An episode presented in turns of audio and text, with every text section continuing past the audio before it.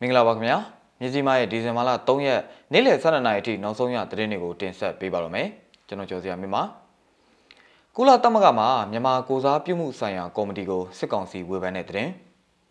စစ်ကောင်စီလက်ချက်ကြောင့်တင်းလာရီတိုင်းတွင်တေဆုံးသူပြည်သူ53ဦးရှိပြီဆိုတဲ့သတင်း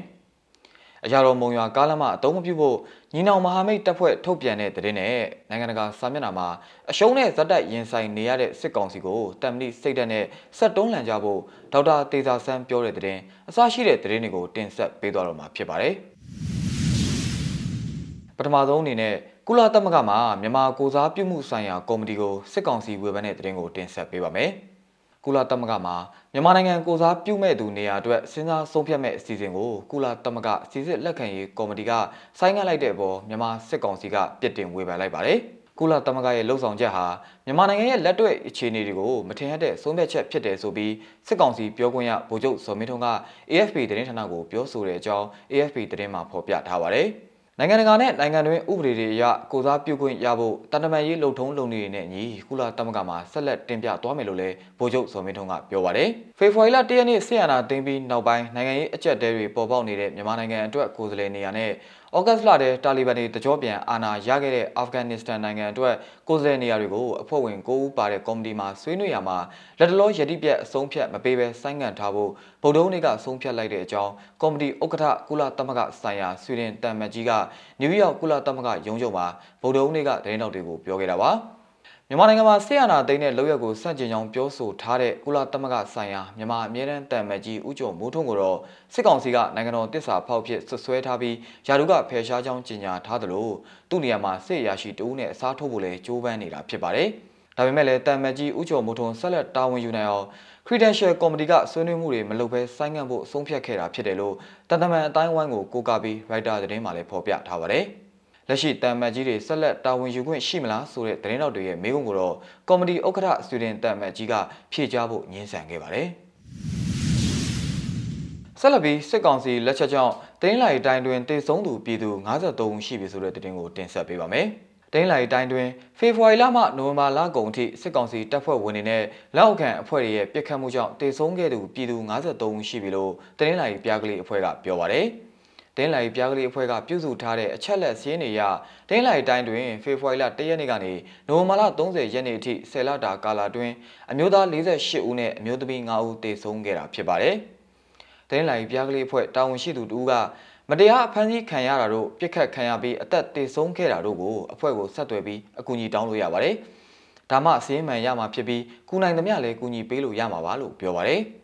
ကောက်ခံရရှိတဲ့စီးရင်တွေအရတေဆုံးခဲ့သူတွေထဲမှာဒဝဲခရိုင်က29ဦး၊ဘိတ်ခရိုင်က73ဦးနဲ့ကော့တောင်းခရိုင်က12ဦးဖြစ်ပြီးစုစုပေါင်း53ဦးဖြစ်တယ်လို့တင်းလာရီပြားကလေးအဖွဲ့ရဲ့အချက်လက်တွေအရသိရပါဗျ။ ဒင်းလိုက်တိုင်းဒေသကြီးအတွင်းအသက်သေဆုံးခဲ့ရသူတွေနဲ့မတရားဖမ်းဆီးခံရသူတွေရဲ့စီးရင်တွေကိုပုံမထိရောက်စွာစီးရင်ပြုစုပြီးမှတ်တမ်းတင်ထားနိုင်ရန်နဲ့ရရှိလာတဲ့အချက်လက်တွေကိုပြည်သူလူထုထံပြန်လည်မျှဝေပြီးအကူအညီပေးနိုင်သူတွေနဲ့ချိတ်ဆက်ပေးနိုင်ဖို့အတွက်ယခုလိုဖွဲ့စည်းထားပြီးစီးရင်တွေပြုစုကောက်ခံနေခြင်းဖြစ်တယ်လို့တင်းလိုက်ပြားကလေးအဖွဲ့တာဝန်ရှိသူတို့ကပြောပါရယ် တင်းလိုက်တိုင်းဒေသကြီးအတွင်းအသက်သေဆုံးခဲ့ရသူတွေနဲ့မတရားဖမ်းဆီးခံရသူတွေရဲ့စီးရင်တွေကိုပုံမထိရောက်စွာစီးရင်ပြုစုပြီးမှတ်တမ်းတင်ထားနိုင်ရန်နဲ့ရရှိလာတဲ့အချက်လက်တွေကိုပြည်သူလူထုထံပြန်လည်မျှဝေတင်ပြပြီးအကူအညီပေးနိုင်သူတွေနဲ့ချိတ်ဆက်ပေးနိုင်ဖို့အတွက်ယခုလိုဖွဲ့စည်းထားပြီးစီးရင်တွေပြုစုကောက်ခံနေခြင်းဖြစ်တယ်လို့တနင်္လာရီပြားကလေးအဖွဲ့တာဝန်ရှိသူတူကပြောပါတယ်ဆက်လက်ပြီးအရာတော်မုံရွာကားလမ်းမအတုံးမပြုဖို့ညီနောင်မဟာမိတ်တပ်ဖွဲ့ထုတ်ပြန်တဲ့သတင်းကိုတင်ဆက်ပေးပါမယ်။ အရာတော်မုံရွာကားလမ်းမကိုပြည်သူတွေအနေနဲ့ည9နာရီကနေမနက်9နာရီတွင်အတုံးမပြုကြဖို့အထူးသတိပေးချက်ကိုမုံရွာခြေစိုက်ညီနောင်မဟာမိတ်တပ်ဖွဲ့ကထုတ်ပြန်လိုက်ပါတယ်။ အကြံဖက်စစ်ကောင်စီတပ်တွေကိုတိုက်ခိုက်ရမှာပြည်သူလူထုကိုထိခိုက်မဲ့ကိစ္စရပ်တွေကိုရှောင်ရှားလိုတာကြောင့်မိဘပြည်သူတွေအနေနဲ့အရေးကြီးကျန်းမာရေးကိစ္စမှလွဲပြီးအပြင်ထွက်သွားလာခြင်းမပြုကြပါရနဲ့မဖြစ်မနေသွားလာရပါကအကြံဖက်စစ်ကောင်စီကားတွေနဲ့ကွဲပြားစေရန်ကားမှန်ချ၍မောင်းနေခြင်းမိုးကမအုပ်ဘဲမောင်းခြင်းနဲ့ကူညီကြဖို့နဲ့အကြံဖက်စစ်ကောင်စီကားလို့ယူဆရတဲ့ရင်တွေနဲ့ကပ်မလိုက်ကြဖို့မြစ်တရက်ခန့်အတိပေးအပ်ပါတယ်လို့ထုတ်ပြန်ချက်မှာဖော်ပြထားပါတယ်။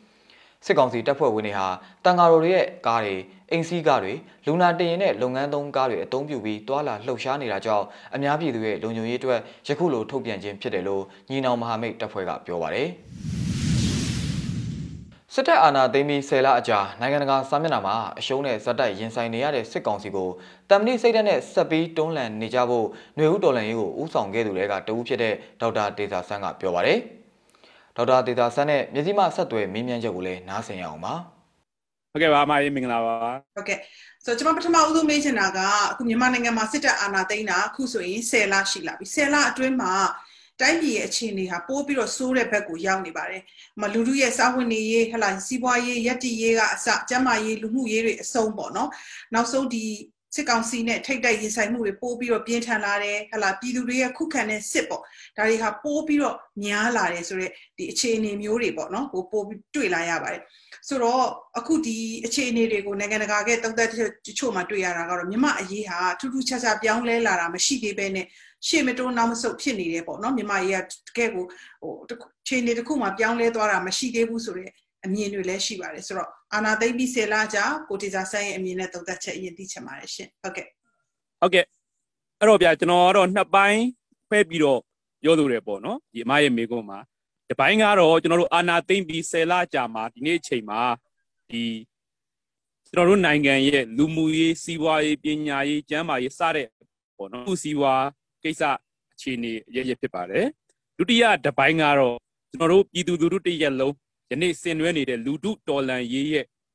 အဲအခြေအနေဖြစ်ပါတယ်ခင်ဗျတော့ပထမတစ်ပိုင်းပြောရမယ်ဆိုတော့မှန်ပါတယ်ကျွန်တော်တို့အာနာသိမ့်ပြီး10လကြာတဲ့အခါ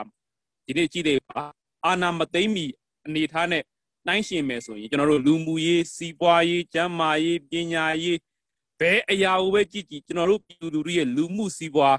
ကျွန်တော်တို့အဆင့်အနေအထားအခြေအနေအရရက်ဒီနော်တိတိတာတာကြီးကိုကျွန်တော်တို့ကြာဆင်းသွားတယ်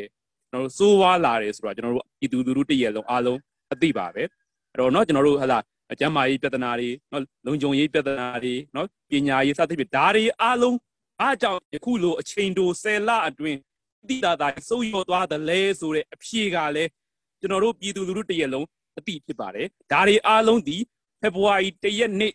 စစ်အာဏာသိမ်းတဲ့လုပ်ရက်ကြောင့်ဒီလက်တဆုပ်စာစစ်အာဏာရှင်လူစုရဲ့เนาะအစဉ်အကျင်မဲ့ အမျော်အမြင်မဲ့နော်ကျွန်တော်တို့သူတို့ကောင်းကျိုးသူတို့ကိုကျိုးသူတို့အာဏာကိုပဲရှေ့ရှုတဲ့ဒီလူတစုကြောင့်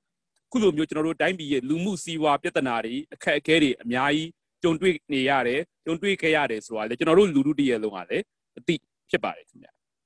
အင်တာဗျူးပြည်စုံကိုတော့မြစည်းမ TV မြစည်းမ Facebook စာမျက်နှာနဲ့မြစည်းမ application တို့မှာလည်းကြည့်ရှုနိုင်မှာဖြစ်ပါတယ်။ မြစည်းမရဲ့ဒီဇင်ဘာလ3ရက်နေ့လယ်12နာရီထိနောက်ဆုံးရသတင်းတွေကိုတင်ဆက်ပေးကြတာပါ။မြန်မာပြည်သူပြည်သားပေါင်းဘေးရန်တွေအမျိုးမျိုးကနေကင်းဝေးကြပါစေခင်ဗျာ။